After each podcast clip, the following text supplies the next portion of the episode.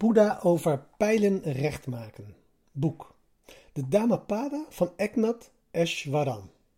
Volgens Aristoteles, Doctrine of the Mean, kunnen we met ijverige, geduldige en aanhoudende oefeningen de deugdzame activiteit van de ziel vinden.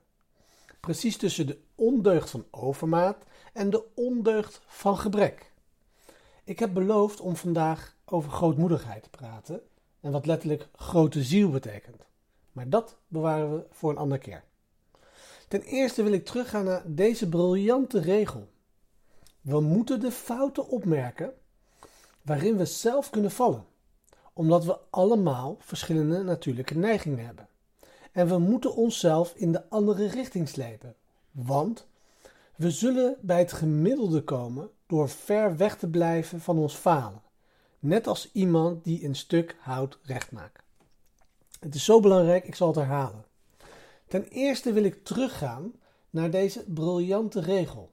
We moeten de fouten opmerken waarin we zelf kunnen vallen, omdat we allemaal verschillende natuurlijke neigingen hebben. En we moeten onszelf in de andere richting slepen, want we zullen bij het gemiddelde komen door ver weg te blijven van ons falen, net als iemand die een stuk hout recht maakt. En ik wil het nu specifiek hebben over dat hout recht trekken.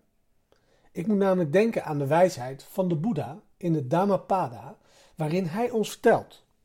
Zoals irrigatoren water leiden waar ze willen, zoals boogschutters hun pijlen recht maken, zoals timmerlieden hout snijden, vormen de wijzen hun geest. Ja, de wijzen vormen hun geest. Net als een timmerman hout snijdt, een boogschutter zijn pijlen recht maakt en de irrigator water leidt waar ze willen.